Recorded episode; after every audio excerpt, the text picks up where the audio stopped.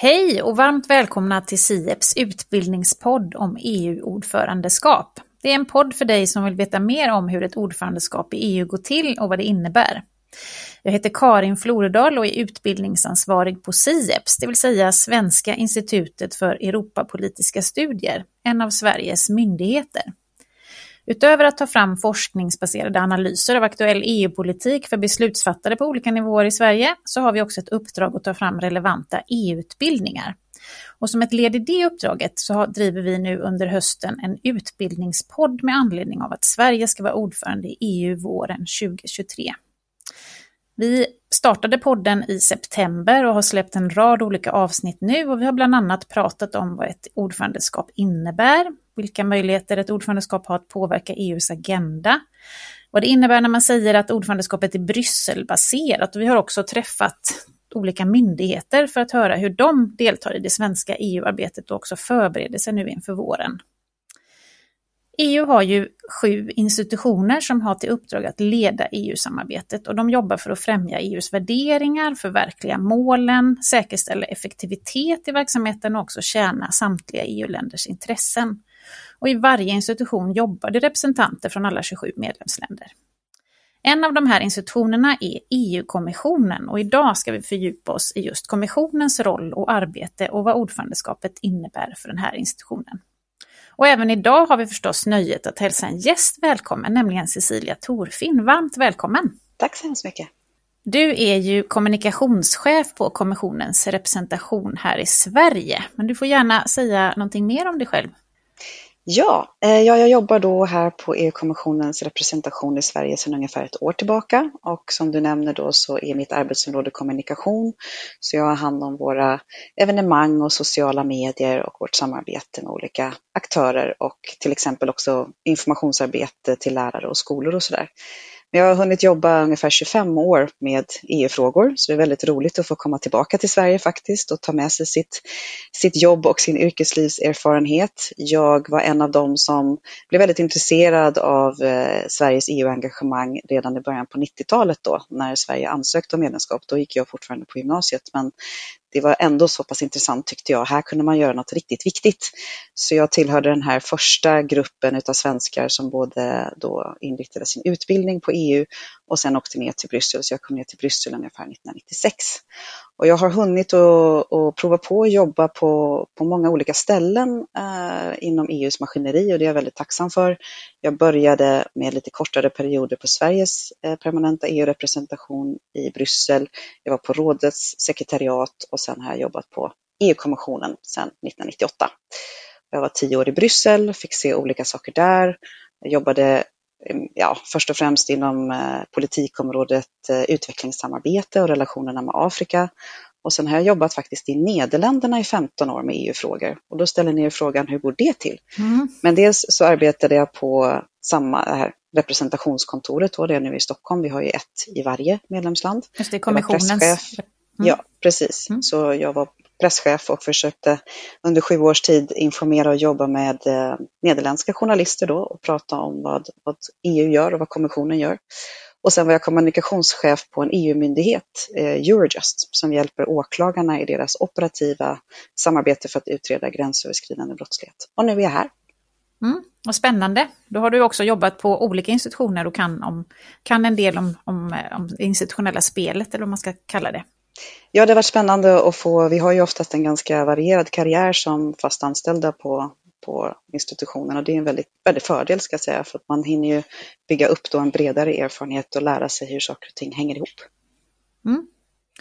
Men du, innan vi fördjupar oss i kommissionens roll i EU-arbetet och, och förberedelser och i, inför ordförandeskapet så tänkte jag ställa en fråga till dig som jag har ställt till alla gäster hittills. Och det är, har du några minnen av eh, tidigare ordförandeskap och då förstår jag ju att det är ett, när man jobbar i kommissionen är det ett nytt ordförandeskap varje halvår. Men minns du vad du gjorde under tidigare svenska ordförandeskap 2001 och 2009?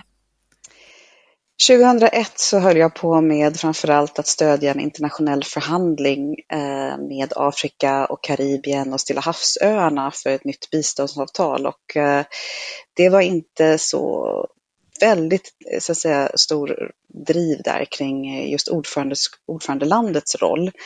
Ehm, men jag skulle vilja säga att mina starkaste minnen kring just hur ett ordförandeskap fungerar, det är nog den här praktikperioden jag gjorde på rådssekretariatet som jag nämnde, för att där fick jag verkligen inblick i hur ett ordförandeland eh, sköter sitt arbete och hur mycket det skiljer sig kanske mellan olika länder, vilken roll och vilket stöd man har från rådssekretariatet och hur viktigt det är faktiskt att det här sekretariatet fungerar väl, men också vilken styrning och vilket, vilken, eh, vilket driv ett ordförandeskap kan ha och hur man bygger de relationerna. Så jag har inte riktigt starka minnen varken från 2001 eller 2009 från de roller jag hade just då. Men tycker jag ändå har kommit nära i de här andra rollerna hur ett ordförandeskap fungerar. Mm. Men du, ska vi hoppa över och fördjupa oss mer i kommissionen? Eh, och dess roll i det här EU-maskineriet. Ska vi, ska vi börja med att prata lite mer om just det här eh, att eh, du jobbar på kommissionens representation och kommissionen har just den här typen av representationer i alla medlemsstater. Och ibland säger man ju lite felaktigt så här att det är kommissionens representation i Stockholm, men det är ju för hela Sverige, eller hur? Kan du inte berätta lite mer om, om ert arbete och uppdrag? Ja, absolut. Vi har kontor i Stockholm, men vi har verkligen en ambition att, eh, att rikta oss mot hela Sverige. Vi är kommissionens ögon, öron och röst i eh, medlemsländerna vi befinner oss i och det finns 35 stycken kontor runt om i Europa. Så det är då i förstås alla huvudstäder men även i några större städer i de större länderna så har vi då flera stycken representationer. Och eh, vi är inte så jättemånga, vi är 18 personer här och så vi fungerar kan man säga motsvarande som en ambassad från ett, eh, en nationell ambassad. Vi har ju inga konsulära uppgifter givetvis och den som är chef här kallas inte har inte samma ambassadörsstatus som någon som är akkrediterad så att säga, hos kungen. Men eh, spelar en väldigt likartad roll, så jag tycker ändå att jämförelsen är relevant. Eh, vi har tre stycken olika verksamhetsområden och det ena är att vi lyssnar väldigt noga och följer väldigt noga vad som händer i Sverige och rapporterar detta till EU-kommissionen och vi rapporterar till hela kommissionen så att säga. Vi har ett, en så kallad presidential service kallas det på engelska, så att vi inte är instoppade i ett visst policyområde utan det vi skriver det sprids till alla EU-kommissionärer och till eh, kommissionens ordförande. Och jag kan väl säga att jag har ju varit då i den här världen av representationer ganska länge och det känns som att den här politiska rollen har växt mycket över tid. Det har blivit viktigare och viktigare för kommissionen att verkligen lyssna in vad som händer i ett land. Inte minst då i Sverige nu när det var val förstås och det var jätteviktigt för kommissionen att förstå vad som händer både i, i en valdebatt och vad som händer under valet och vad som händer efteråt. Men det är även mycket ekonomisk rapportering. Vi har även en ekonom på kontoret som, som följer väldigt noga vad som händer i, svenska, i svensk ekonomi och rapportera detta.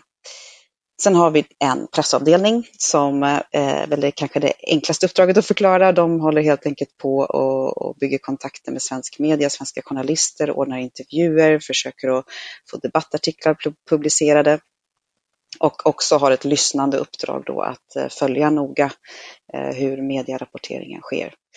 Och det tredje benet är det som jag är ansvarig för, då kommunikationsteamet som vi kallar oss för. Och eh, där ligger väl också en stor del av vårt informationsuppdrag. Vi jobbar dels eh, mot skolor och lärare, har bland annat en lärarutbildning som vi gör tillsammans med UHR och eh, Europaparlamentet för att utbilda svenska lärare på framförallt gymnasienivå om EU och hjälpa dem att ta med det här i undervisningen. Vi är mycket ute och pratar på skolor och universitet. Vi tar emot också skolklasser och andra aktörer här i, i Europahuset vi sitter i, i centrala Stockholm.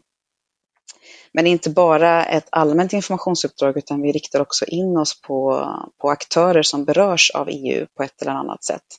Eh, och det kan vara aktörer i näringslivet eller i det civila samhället. Vi har mycket kontakt med SKR, med kommuner och regioner och vi har också ett nätverk av 15 stycken så kallade Europe Europa Direkt-kontor, ska jag använda den svenska termen här, mm. som är utspridda över hela Sverige och de kan vara, det kan vara en kommun som står värd för detta till exempel och det är ett sätt för oss då att hjälpa till att sprida den här verksamheten över hela, över hela Sverige.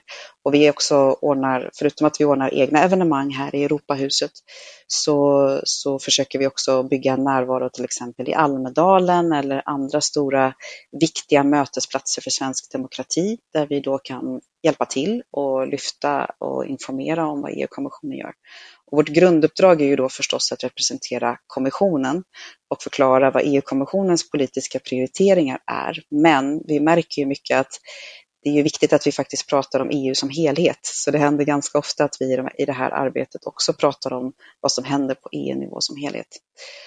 Och en, eh, en viktig sak som kommer bli mycket, mycket stor del av vår verksamhet det kommande året är att när, när EU-kommissionärer och höga tjänstemän kommer hit så är det vårt uppdrag att organisera och planera deras kontakter med svenska aktörer.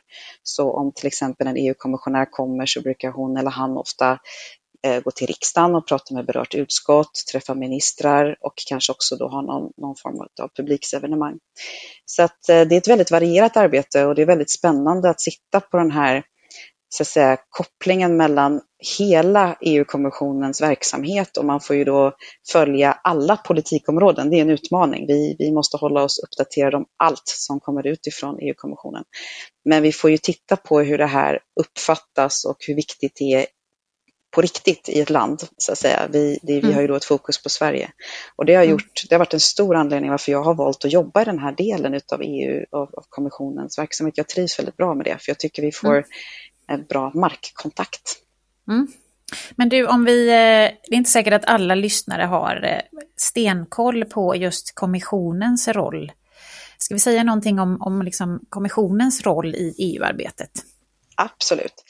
Kommissionen kallas ju då för fördragens väktare med en, en, en term som vi kanske inte, inte hör så ofta, men den är kanske viktig att nämna ändå. EU är ju ett regelbaserat samarbete där vi har fördrag där spelreglerna är tydligt, tydligt fastlagda, både vilka mandat de här olika institutionerna har, hur beslutsprocesserna går till och hur vi ska fatta våra lagar och på vilka, på vilka områden som EU faktiskt har befogenhet att agera. Det är ju ganska många politikområden där medlemsländerna har sagt att här vill vi ha en, en väldigt stark EU-samordning som konkurrensrätt till exempel. Eh, handelspolitik är också ett sådant område och sen har vi ju en massa områden där man har sagt att här ska inte EU gå in och lagstifta utan det här är fortsatt ett, ett nationellt, eh, en nationell kompetens och ganska många ämnesområden som faller i mitten. Eh, och det här är ju grunden då för lagstiftningsprocessen och det är EU-kommissionen har det exklusiva uppdraget att komma med förslag till hur den där lagstiftningen ska se ut. Eh, och eh, ska då lyssna in förstås och ta fram ett förslag. Det kan vara helt ny lagstiftning eller det kan vara också helt enkelt en översyn av, av befintlig lagstiftning, så det är inte alltid ett helt nytt ämne. Och sen lägga fram det här förslaget då till, till de som ska stifta lagen och det är parlamentet och rådet, medlemsstaterna. Och sen är kommissionen fortsatt en, en, dialogpartner i den här lagstiftande processen, men det är inte kommissionen som bestämmer hur det ska bli, utan det är ju de här två, två lagstiftande eh, institutionerna som gör det. Sen när det väl har blivit en EU-lagstiftning som träder i kraft så har kommissionen också en roll i att, att ha en översyn över hur den implementeras. Så vi ska hålla koll på om viss lagstiftning är ju direkt tillämplig i ett medlemsland, viss lagstiftning sker i form av vad vi kallar för direktiv. Så då har vi någon, en målsättning som medlemsländerna ska uppnå genom att omsätta det här i nationell lagstiftning och där är det viktigt att vi vi följer och håller, håller fingret på pulsen hur, hur det går. För att om, man, om ett medlemsland då har överskridit en tidsperiod för att implementera ett sånt här direktiv, då kan, vi, då kan vi starta vad vi kallar för ett överträdelseärende. Så vi har också en kontrollerande funktion att se till att det vi har det vi har bestämt också faktiskt blir, blir, blir en realitet. Man kan väl säga att kommissionen finns i flera ställen av processen. Mm. Eh, både lägga förslag och överse implementeringen. Så för att illustrera det så skulle man till exempel kunna ta ett exempel som man har kommit fram till att vi behöver gemensam reglering kring rent vatten, rent dricksvatten. Då blir det kommissionens roll att utifrån dialog med medlemsstaterna ta fram ett förslag eh, till ett dricksvattendirektiv som ju finns på riktigt och sen när man har tagit fram det förslaget så lämnar man över det till de beslutsfattande som ju är Europaparlamentet och ministerrådet. Men sen följer kommissionen också den processen och efteråt när det har tagits beslut, de har kommit överens och man har tagit beslut om dricksvattendirektivet så följer man också upp huruvida medlemsstaterna ja. eh, implementerar det här direktivet och följer Absolut. upp det. Mm. Och jag skulle bara vilja göra ett litet tillägg där, för jag tycker det är viktigt att betona att när vi förbereder den här lagstiftningen så har vi en en förpliktelse att, eh, att, att lyssna väldigt noga. Inte bara på eh, medlemsstaterna och kanske vad vi tror att Europaparlamentet kommer tycka, utan vi, vi, vi är ålagda helt enkelt att ha ganska breda publika samråd. Eh, det är en sån där sak som jag tycker det är viktigt att vi, att vi lyfter när vi har chansen som vi har mm. idag i den här podden. Absolut. Därför att där har vi en direkt dialog då och vi öppnar, det finns en plattform som heter eh, Kom med synpunkter mm. och där finns det helt enkelt en databas med en lista på alla olika alla förslag som kommissionen håller på att förbereda och där man som medborgare eller företag eller kommun eller branschorganisation kan både se vad kommissionen planerar, se vad andra har kommit med för inlägg.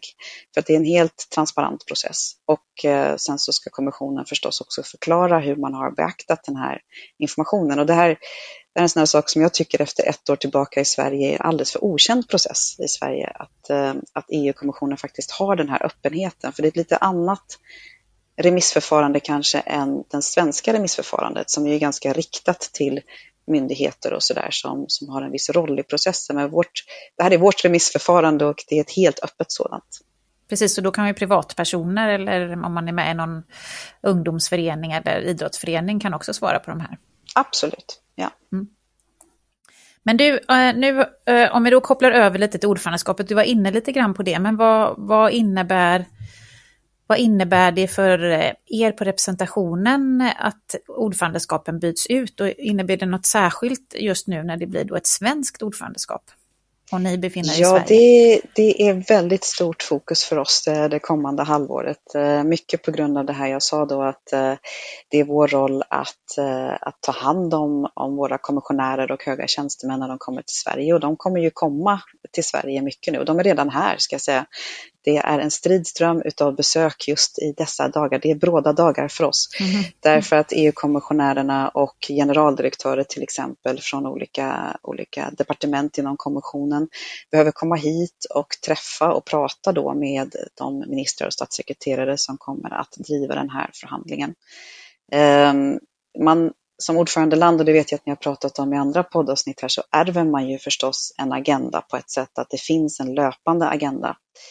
Eh, men kommissionen kommer också komma med nya förslag under eh, ordförandeskapsperioden för Sverige. Det finns ett arbetsprogram som presenterades den 18 november och eh, det förs förstås en, en dialog. Kommissionen har ju det här självständiga uppdraget då, som jag var inne på, att vara fördragens väktare och se till att man driver fram politik som man har fått mandat ifrån på olika sätt. Och det kan också vara Europeiska rådet som uppmanar kommissionen att komma med ett förslag till exempel. Så det är inte bara ordförandelandet som får hålla i taktpinnen. Men ordförandeskapet spelar ju en väldigt viktig roll, så man lyssnar ju in och stämmer av väldigt mycket med ordförandelandet för att man vill att den här processen ska, ska ska, ska landa och i bästa fall har man ju förstås en, en, en överensstämmelse i de prioriteringar som ordförandelandet själv vill driva.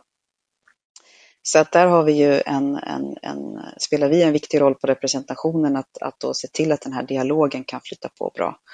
Och eh, vi, så gott vi kan så tycker jag också att vi försöker att utnyttja alla kanske det intresse som väcks för EU i allmänhet på grund av ordförandeskapet. Så i vår, mm. vår, vår, informationsverksamhet, den kunskapshöjande verksamheten, vi märker att det är en ökad, ökat intresse från skolor till exempel och det blir liksom en, bra, en bra ingångs vinkel kanske att prata lite mer om EU och eh, det där kommer vi, gör vi redan så mycket vi kan av.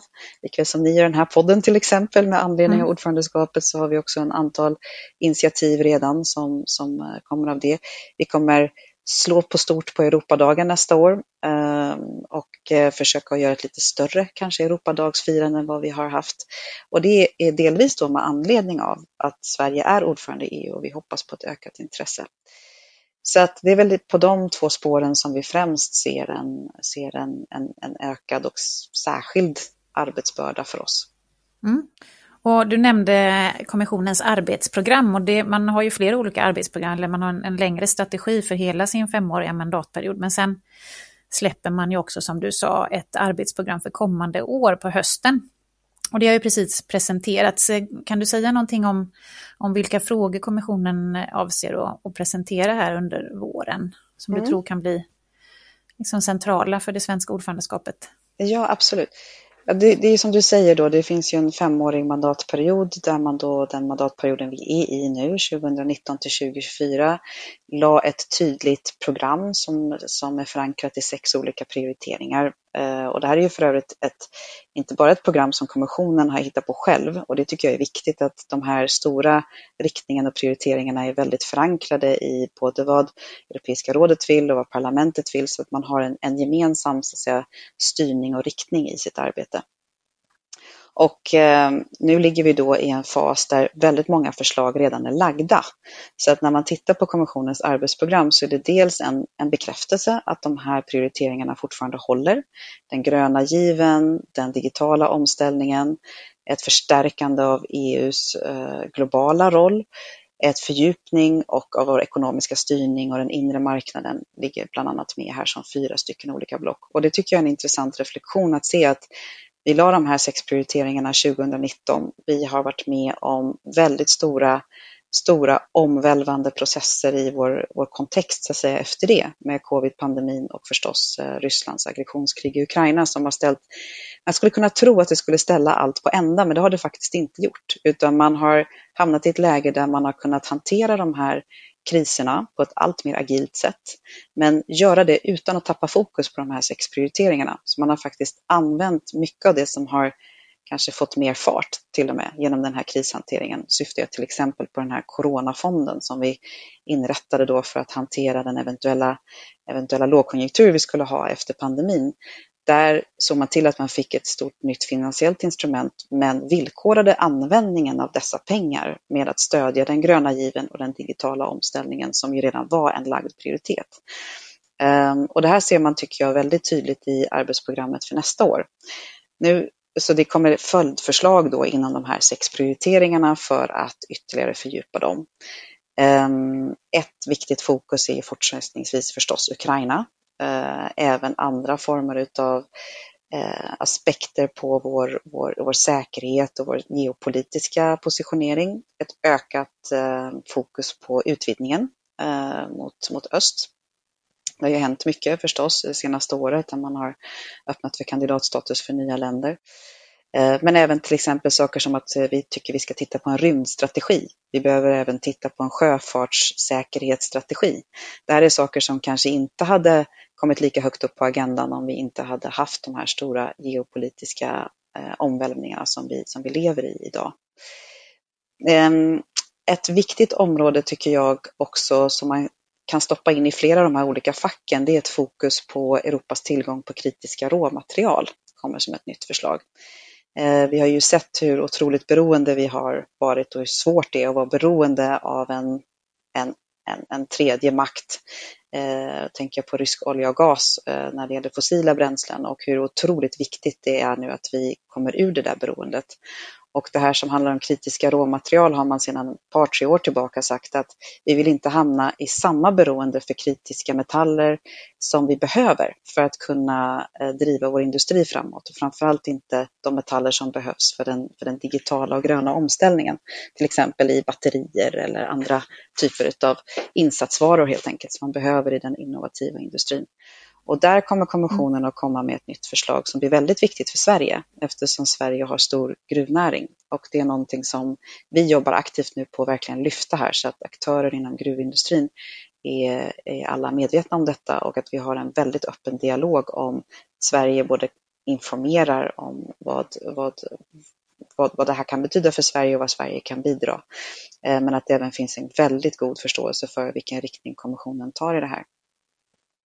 Det kommer komma nya förslag inom hur vi stärker upp vår, vår ekonomiska styrning. Det har redan kommit lite sådana förslag. Eh, man har sett lite, lite tecken på att kommissionen tänker att här behöver vi kanske vara lite mer flexibla i den här tillämpningen utav hur högt eh, budgetunderskott och sådär som en, ett land får ha när det finns anledning till det. Det är ett sådant område. Och eh, inom den gröna given så kommer det komma nya förslag på reform av elmarknaden. Men framförallt så ligger det väldigt många förslag på bordet. Mm. Så om man läser det här arbetsprogrammet så är det en inledning då där man pratar om de här nya initiativen, men framförallt så är det inom den gröna given är det 30 stycken ungefär tunga lagförslag som inte är färdigförhandlade. Detsamma gäller för migrationspakten som eh, kommissionen har lagt förslag på, som ju vår egen EU-kommissionär Ylva Johansson går i spetsen för. Ehm, och, och, listan är väldigt lång och det gör att där ligger ju tyngdpunkten då på att förhandla all, att de, att förhandlingarna blir färdiga helt enkelt av alla de här förslagen som redan ligger på bordet.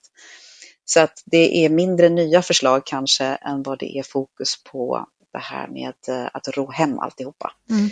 Eh, och där kommission, kommissionen och fortsättningsvis då var en aktiv dialogpartner förstås i den här förhandlingen mellan Europaparlamentet och rådet som, som kommer att ske, de så kallade trilogerna, när eh, de här båda lagstiftande benen vi står på i EU har kommit fram till sin position men måste komma överens. Och eh, kommissionen förstås har, kanske också ska nämna, har ett ytterst kan man säga då maktmedel i den processen att man faktiskt kan dra tillbaka hela förslaget om man tycker att förslaget ändras så mycket att det faktiskt inte uppfyller de syften som man ursprungligen ville att det skulle uppfylla. Det händer ju inte så ofta, men det, det är en möjlighet. Så kommissionen är ju med i den här processen och ser hur lagstiftarna säger sitt om lagförslaget. Just det, och för att få sätta det här lite i, i perspektiv så brukar man ju säga att ungefär 80 procent av innehållet i en dag, på dagordningen. Eh, det, det är det man ärver som man bara ska jobba vidare med. Eh, men sen kommer det, kan man påverka lite granna och så kommer det, kommer det lite nytt också. Jag lyssnade till en, en person på statsrådsberedningens EU-kansli som är med och förbereder eh, ordförandeskapet nu på regeringskansliet och hon sa att det var ungefär 250 frågor på på dagordningen under det franska ordförandeskapet nu i vår, men de räknar med att det blir ungefär 100 till, det vill säga 350 under våren nu under svenska. Så, och det hör ju också ihop med att det är en annan det svenska ordförandeskapet är mot slutet av mandatperioden. Förra gången var det mer i början, så det blir ju en, ett väldigt annorlunda svenskt ordförandeskap på det sättet också. Ja, och dessutom kommer ju Sverige i den där fasen när man fortfarande verkligen kan förhandla. Mm. För att sen så när man går in i den där perioden när man kommer närmare in på nästa Europaval som vi kommer vara i juni då 2024 så det ordförandeskapet som, som är då kommer ju också ha, det är väl Belgien då tror jag va? För det är Spanien efter Sverige och sen Belgien. Just det. Har ju, har, ju, har ju ännu svårare kanske att driva de här frågorna framåt för att då går vi ju in i en annan fas då när de politiska partierna går in i ett kampanjande skede och så vidare. Eh, mm. Så att därför ligger det ett stort ansvar på Sverige faktiskt att mm. många av de här tunga förslagen att man, man ror hem dem, det är en sån där term som man hör av många. Och att Sverige tycker jag väl också uppfattas som att man, man uppfattar Sverige som en skicklig förhandlare. Och eh, vet att Sverige har investerat väldigt mycket i att ha god kompetens och vara väldigt förberedd på att kunna, kunna driva de här eh, förhandlingarna framåt. Och förhoppningsvis så får vi också se att, att det händer mycket, att mycket hamnar på plats. För det är trots allt, det räcker inte med att lägga förslag. Vi måste få saker och ting beslutade också för att vi ska kunna implementera dem och därmed se effekterna av dem. Sen kommer det ju, vi vet ju inte vilka oväntade saker som kommer hända, där Sverige också får en väldigt viktig roll att vara responsivt till den, jag förmodar tyvärr, den fortsatta krishantering som vi kommer att, att och behöva brottas med. Och eh, det är ju förstås inte så att vi ser slutet på kriget i Ukraina med de ytterligare åtgärder då som det hela tiden krävs för att hålla ihop den här EUs sammanhållning, EUs starka politiska respons på Rysslands aggressionskrig. Ehm, och det blir ju också ganska ibland snabba bollar tillbaka till kommissionen där man märker att nu behöver vi ta ett nytt snabbt beslut för att nu är vi konfronterade med ett riktigt stort problem som vi bestämmer oss politiskt för att vi vill lösa tillsammans. Och då kan det ju hända att kommissionen också måste vara väldigt agil och handla väldigt snabbt för att då komma fram med ett nytt förslag så att vi kan också komma till ett snabbt beslut.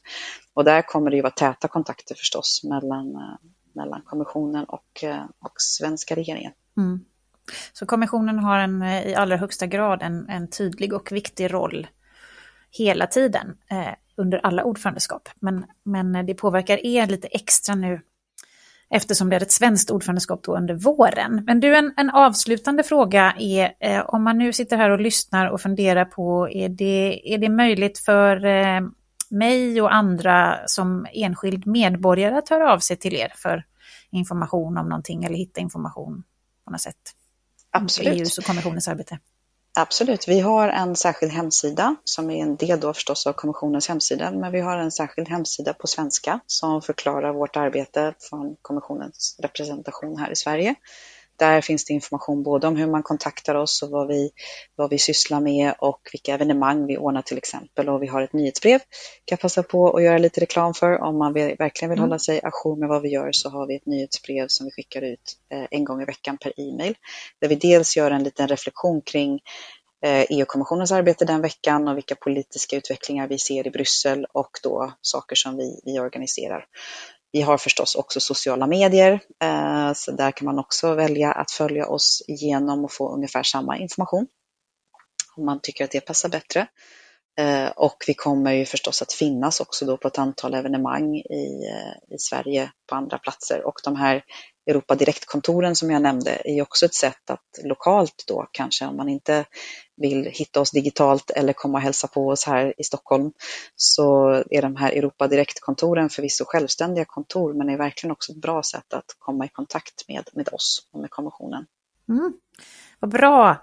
Och sen tycker jag att vi ska nämna också att många av de seminarierna som ni gör, gör ni också som webbinarier så att man kan se dem ibland Absolut. samtidigt som de sänds och ibland också i efterhand. Ja, och de ligger ute på en YouTube-kanal vi har och på Facebook. Mm.